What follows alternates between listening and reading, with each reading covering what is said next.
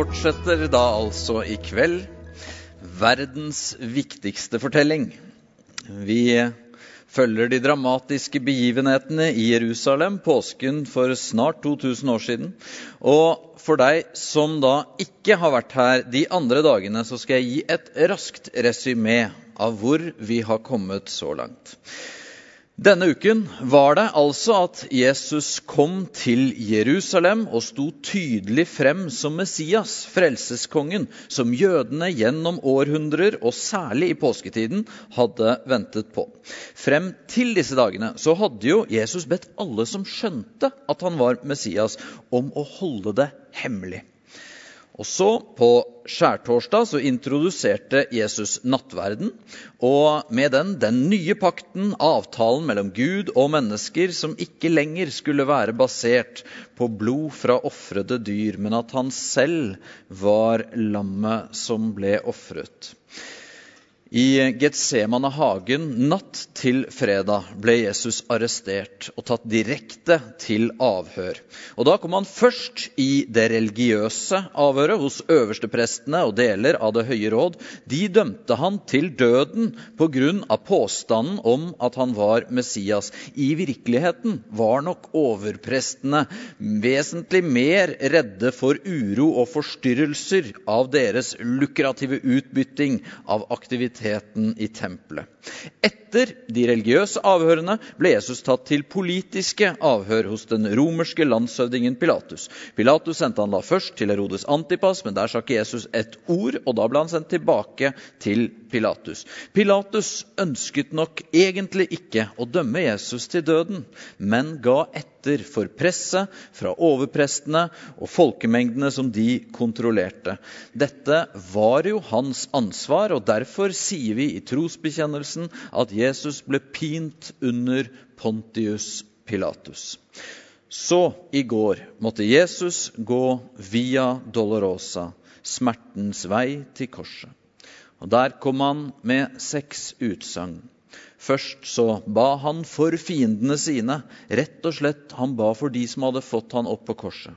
Så ba han Johannes, disippelen hans, om å ta seg av moren hans, fordi Jesus alltid hadde omsorg for sine. Så inviterte han en kriminell ved siden av seg til paradis, fordi det sanne evangeliet, budskapet Jesus kom med, er radikalt inkluderende.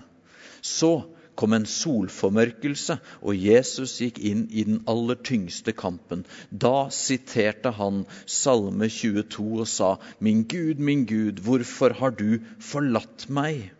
Jesus opplevde et fravær av Gud som ingen andre har gjort eller behøver å gjøre. Og så erklærte han med høy stemme at det er fullbrakt. Og det rystet både skaperverket og tempelet. Til slutt ba Jesus bønnen, Far, i dine hender overgir jeg min ånd. Og så døde han. Og fra der plukker vi opp fortellingen i kveld. Fredag ettermiddag så hadde jo overprestene vunnet full seier. Teknisk knockout, kan man kanskje si, for Jesus var død. Dermed var problemet deres løst. Ro gjenopprettet, og alt var igjen under kontroll. Ut ifra deres egen pussige religiøse logikk så var det ingenting de hadde vært med på det siste døgnet som hadde gjort de urene. Så nå kunne de glede seg til å feire sabbat. Deres religiøse renhet var jo nemlig berget gjennom at de ikke hadde satt føtter hos, i romeren Pilatus' hus, så han hadde måttet møte de utenfor. Riktignok hadde de i stedet, da, gjennom løgn, svik, trusler, bedrag, vold og til slutt drap, slukket han som med rette kalles verdens lys. Men de hadde unngått hedningelus, og det var jo det viktigste. Med andre ord så lå det snart til rette for en deilig og rolig sabbat i Jerusalem. Den jødiske sabbaten den går fra fredag solnedgang til solnedgang lørdag. Men denne helgen var det jo ikke hvilken som helst sabbat. Det var sabbaten i påskehøytiden, så nå skulle det feires. Det var bare noe som måtte fikses først. De tre stakkarene som de hadde fått korsfestet, måtte være døde og tatt ned fra korset før sabbaten startet. Du vet, Ellers så kunne man bli uren og sånn. Overpresten, altså. Eh, men eh, med andre ord da så gikk de enda en gang til Pilatus med spørsmål om Jesus. Nå spurte de Pilatus om han kunne sørge for å fremskynde døden på de korsfestede dersom de fortsatt levde. Og måten det ble gjort på, sto i stil med resten av alt det forferdelige rundt korsfestelser. De knuste beina til de korsfestede, sånn at de ikke lenger klarte å holde seg oppe, og dermed ble raskere kvalt. Hva gjør man ikke for å holde seg ren til sabbaten? Pilatus samtykket og sendte soldater. De kom til den kriminelle ved siden av Jesus knuste beina hans så han døde. Så gjorde de det samme med den andre. Men da de kom til han i midten, så så de at han allerede var død. Og Derfor var det ingen grunn til å ta bryet med å knuse beina hans. Men for å være helt sikker så tok en av soldatene et spyd og satte det inn i siden på Jesus for å se at han var død. Da rant det ut blod og vann.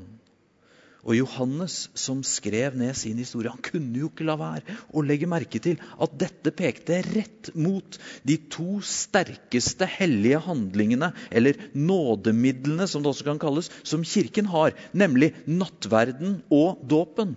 Blodet som rant, bekrefter den nye pakten avtalen som redder oss fra døden, og dåpens vann viser at avtaler med Gud er for alltid. Og Derfor så rant ikke bare blodet og vannet som en bekreftelse på at Jesus var død.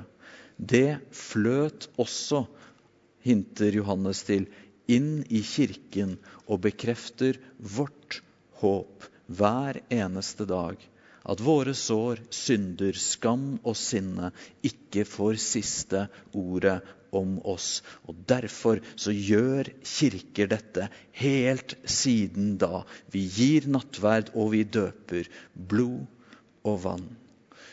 Utilsiktet fra de romerske soldatene, selvsagt, så ble det på denne måten oppfylt enda flere profetier om Messias. For gjennom århundrene hadde man sunget i salmen 'Han bevarer hvert bein i hans kropp'.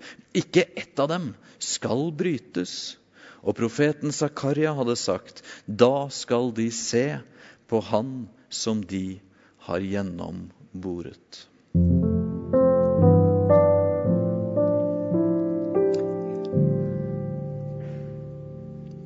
Men eh, hva skulle nå skje med kroppen til Jesus? Det nærmet seg solnedgang, altså klokken 18, og dermed sabbat, så nå hastet det. Da kom to nye tilhengere av Jesus på banen. Og disse er interessante.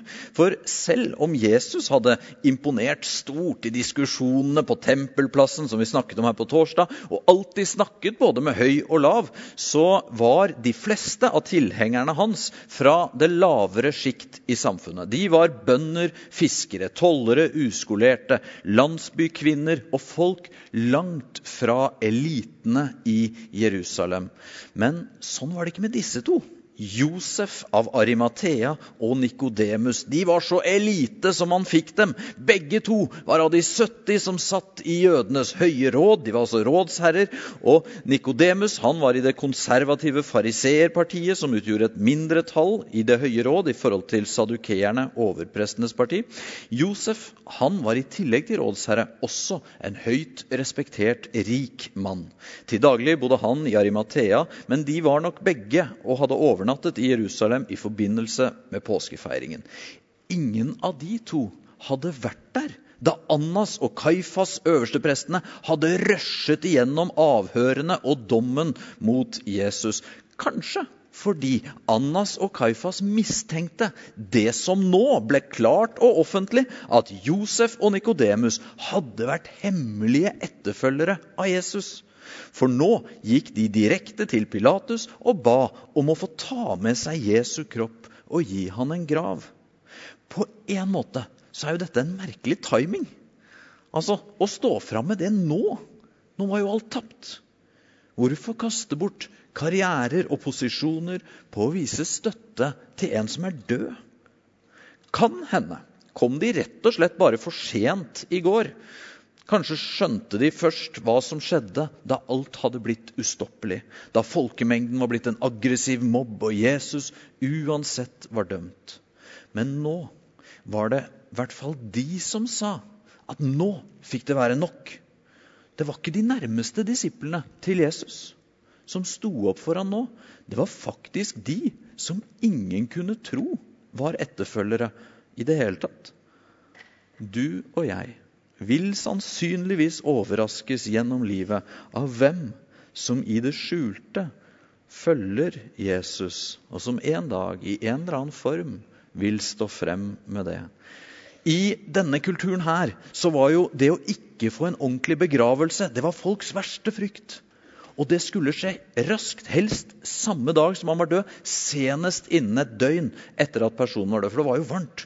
Josef og Nikodemus var rett og slett to hederlige karer som ville vise sin kjærlighet til Jesus og ta ansvar i situasjonen med det de kunne gjøre. Så enda en gang ble Pilatus forstyrret for denne Jesus. Og han må ha vært forundret da han så at det var den høyst respektable Josef av Arimathea som plutselig sto der. Josef ba om å få kroppen til Jesus og tilbød å gi han sin egen grav. Kanskje Pilatus himlet med øynene. Kanskje kjente han en sorg over at han selv ikke hadde hatt mot til å ta standpunkt for Jesus. Han ga de uansett tillatelse til å ta kroppen hans. Josef gikk da og kjøpte lintøy for å ta rundt den døde kroppen, mens Nikodemus tok ansvar for å kjøpe salver. En blanding av myrra og aloe. Det som ikke er like tydelig for oss i dag som for de da det skjedde, det er det skandaløse i det som foregår nå. For det Josef og Nikodemus gjorde, det var å ydmyke seg selv å salve en død kropp, det var kvinne- eller slavearbeid. De som respektable menn hadde selvfølgelig aldri gjort noe sånt før. Og Det kan ha gitt seg utslag i beregningen. Det skulle i hvert fall ikke stå på salve, tenkte Nikodemus, og han kjøpte inn 30 kilo til jobben. Nok til en full balsamering, selv om det ikke var det man praktiserte. Bare det beste for Jesus. En annen ting som er vanskelig for oss å gripe, er hvor stort stigmaet ved korsfestelse var. Ordet 'kors' det var en forbannelse. Det var et banneord. Hvis barnet ditt endte på et kors, var det den ultimate skam. Da ble det barnet aldri nevnt igjen.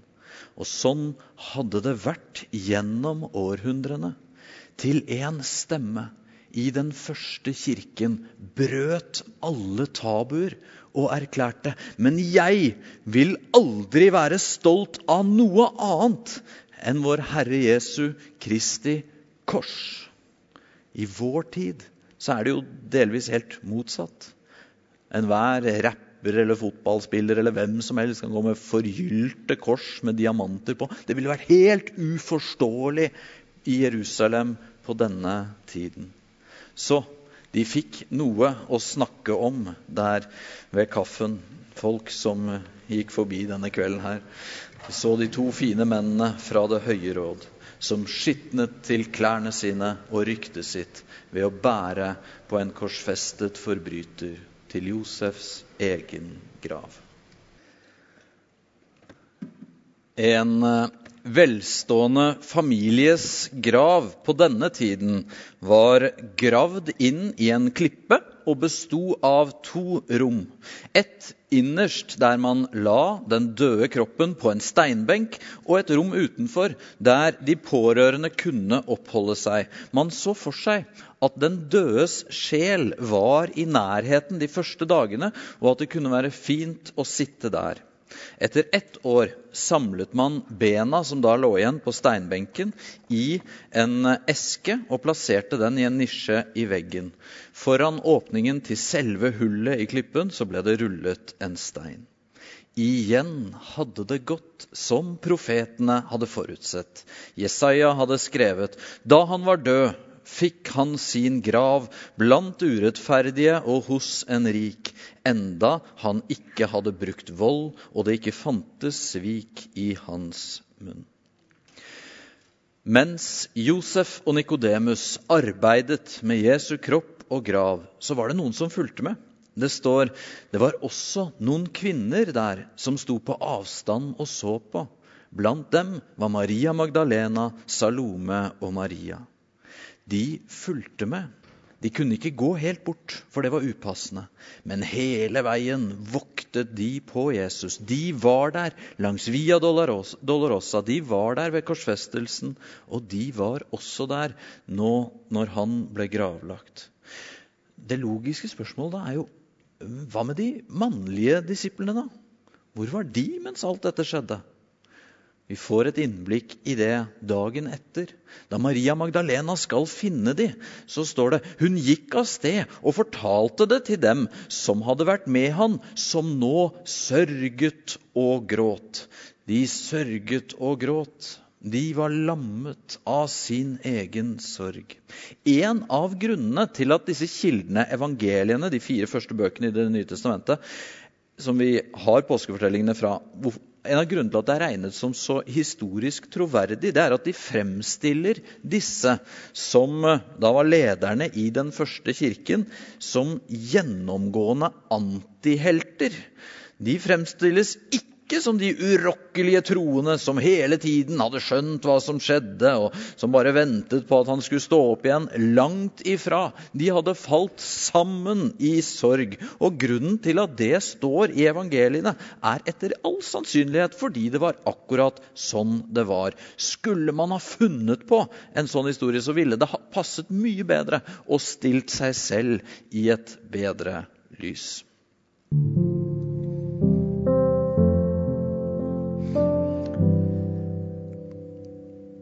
I stedet så var det noen andre som var mer våkne. Det var ironisk nok overprestene.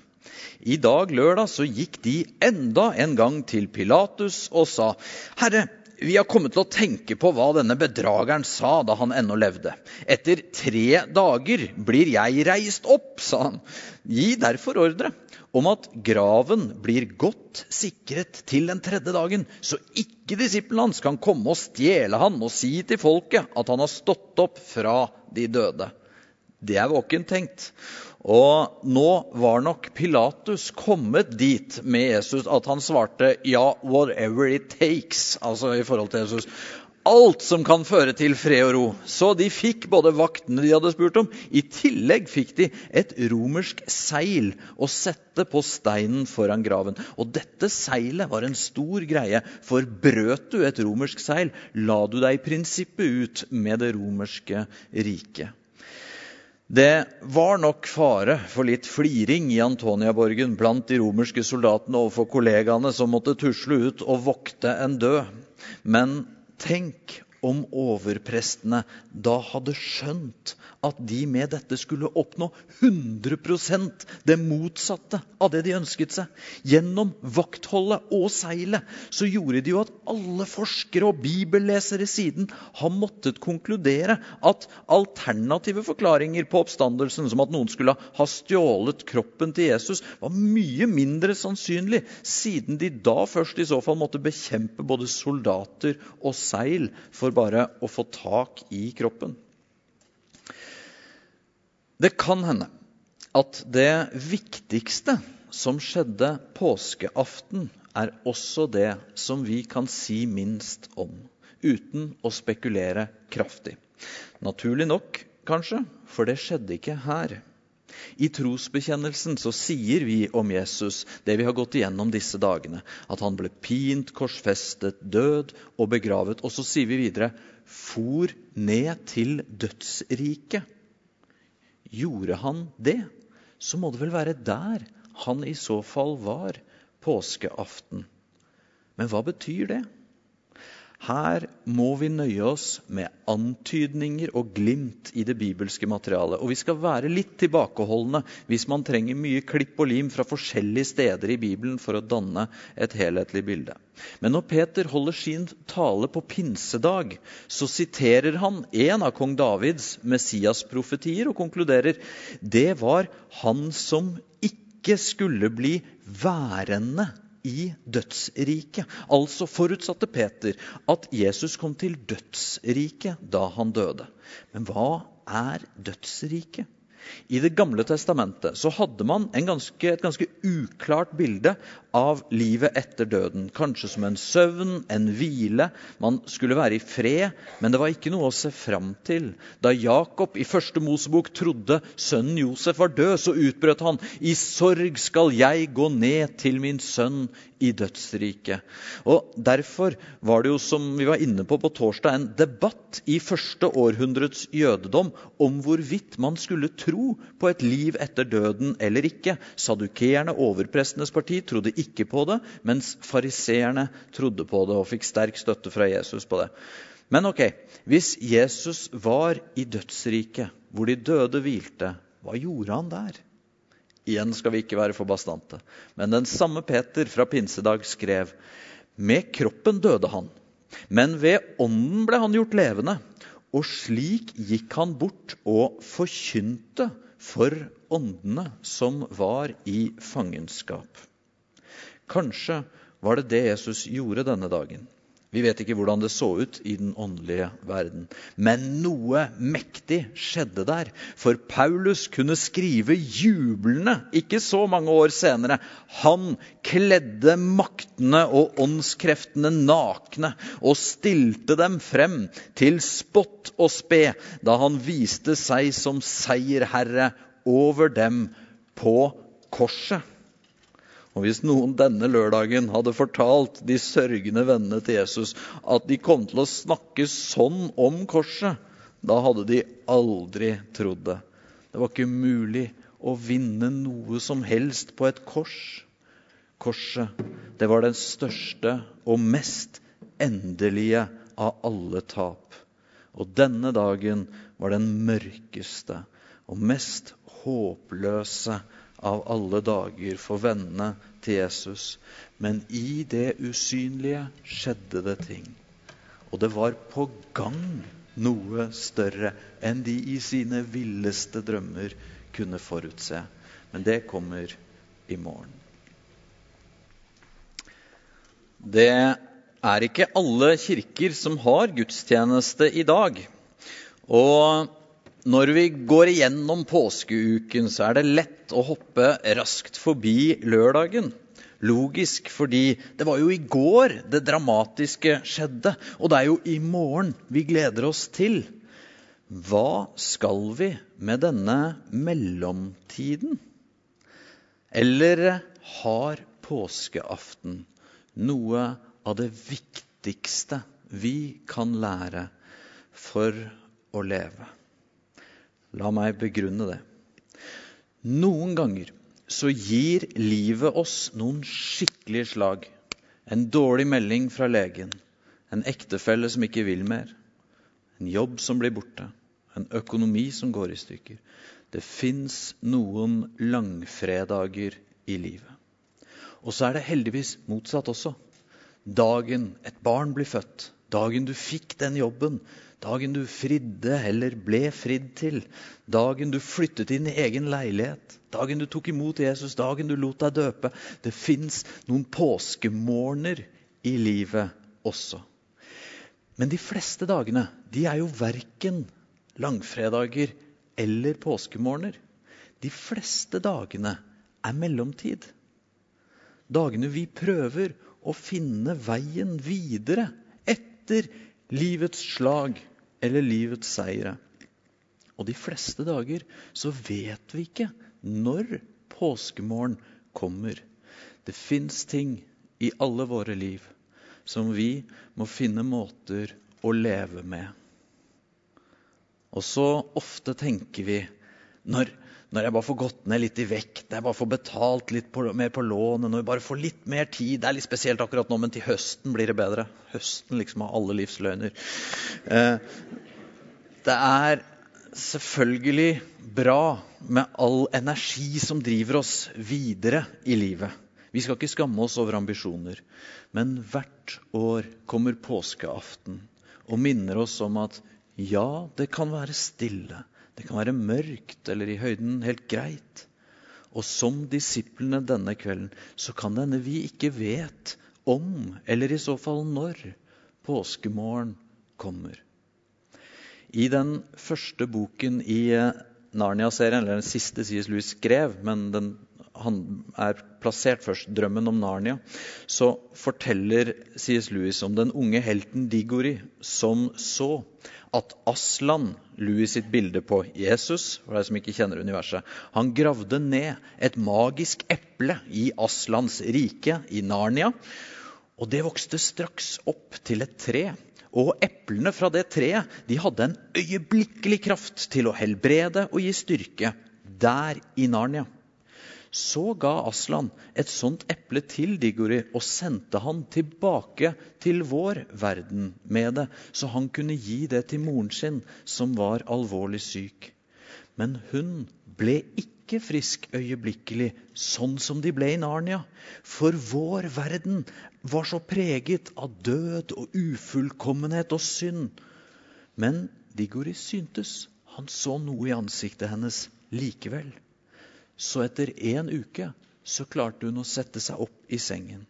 Og endelig, etter en måned, så kunne hun sitte ute i hagen og snakke med sønnen sin. Likevel, underveis så tvilte Digori mange ganger på om helbredelsen var reell. Men, skriver Louis, så tenkte han på Aslans ansikt og fattet håp. Jeg syns at Louis her setter ord på vår opplevelse av livet. Vi vet at i Narnia, i Guds rike, så vil alle helbredelser være fullkomne og raske. I Narnia så vil det bare være påskemorgen. Og visst lengter vi etter påskemorgen. Men vet du hvorfor de fleste jøder på Jesu tid, denne uken som vi snakker om i Jerusalem, ikke trodde at Jesus var Messias. Det var rett og slett fordi Messias betyr den salvede, som i den velsignede, den Gud har behag i. Jødene ventet en Messias som var velsignet av Gud. Den første delen av Jesaja-boken inneholder flere profetier om Messias som hadde formet jødenes forventning. F.eks.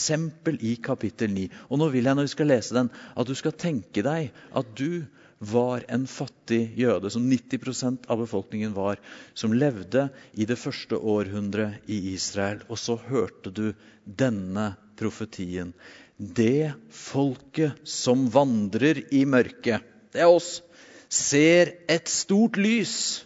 Over dem som bor i dødsskyggens land, stråler lyset fram. Du lot dem juble høyt og gjorde gleden stor. De gledet seg for ditt ansikt som en gleder seg over kornhøsten, som en jubler når krigsbyttet deles. Det har jeg ikke vært med på, men vi kan se det for oss.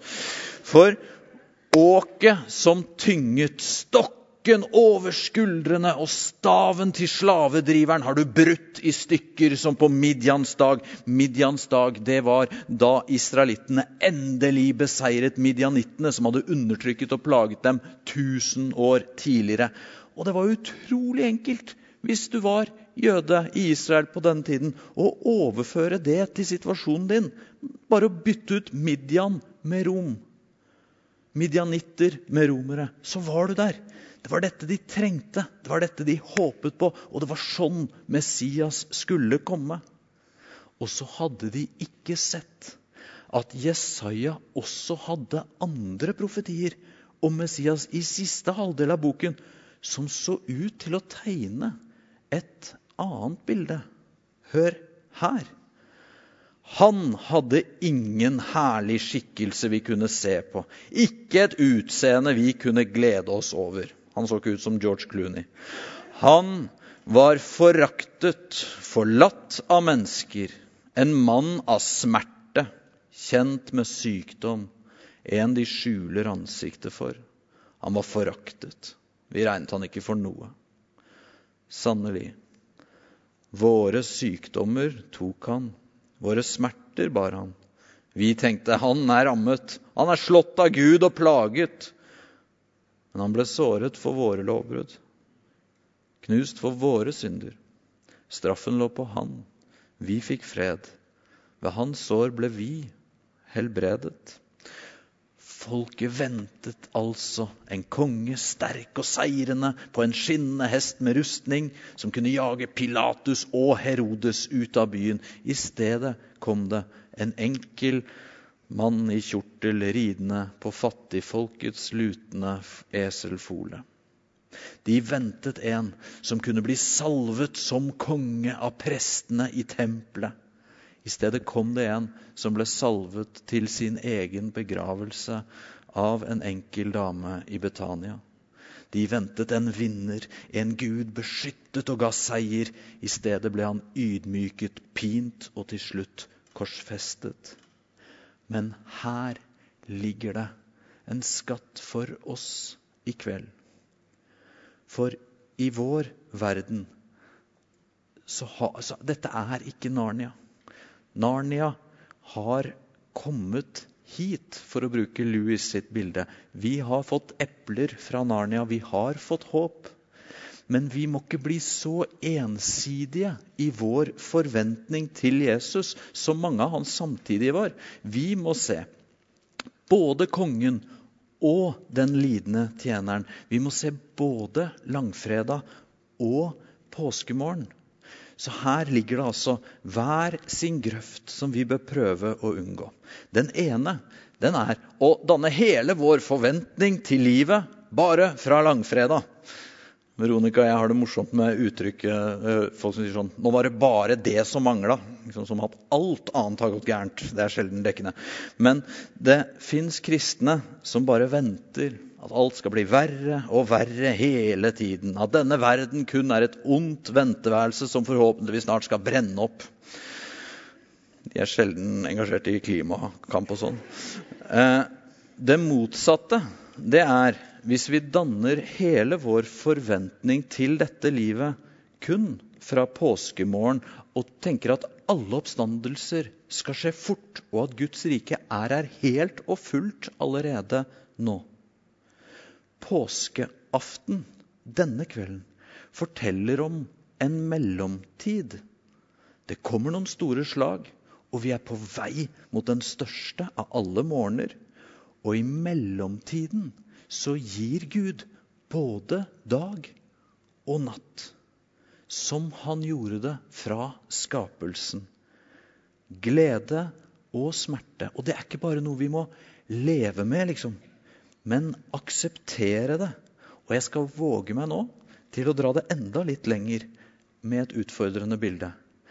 På skjærtorsdag så snakket vi om hvordan den jødiske påskefeiringen minnet folket om hvordan de hadde blitt frie fra Egypt. Men historien, da jødene liksom endelig kom ut av Egypt, som man feirer, det var jo ikke sånn at da var alt i orden. Da var det påskemorgen. liksom Langt ifra.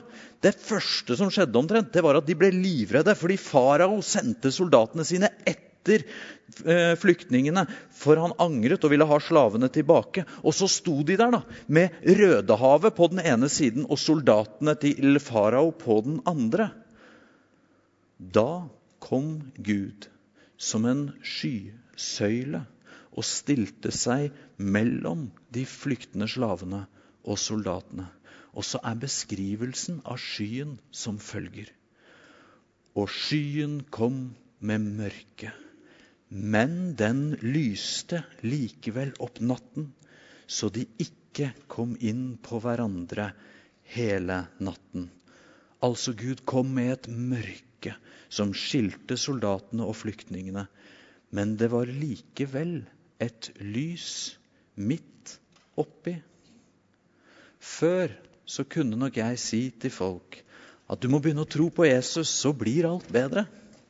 Og nå sier jeg til folk Kom til Jesus med livet ditt, så skal du slippe å være alene i det vanskelige. Det vanskelige det vil være midlertidig, fordi vi er på vei mot en påskemorgen. Og en dag så vil vi se Guds rike komme helt.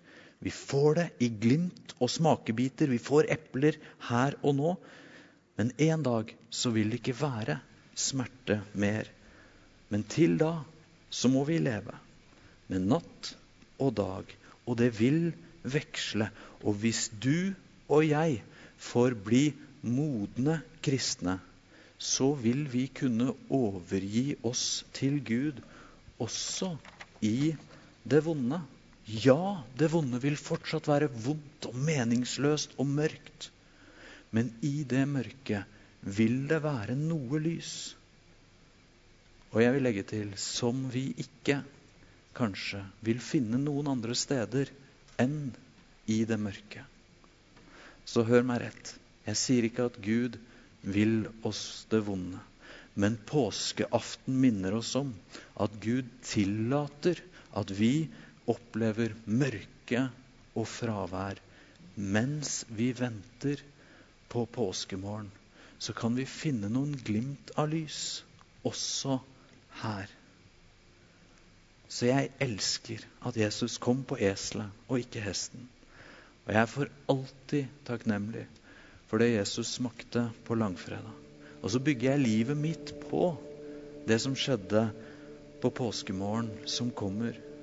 Men i kveld så er vi her. I kveld er det påskeaften. Og i kveld vil jeg be om visdom til å finne de lysene som bare fins påskeaften. Og få visdom til å også omfavne mellomtiden. Og så er lysene bare forsmaker, epler, på den solen som skal stå opp i morgen og vise hva vi er på vei imot. Skal vi reise oss?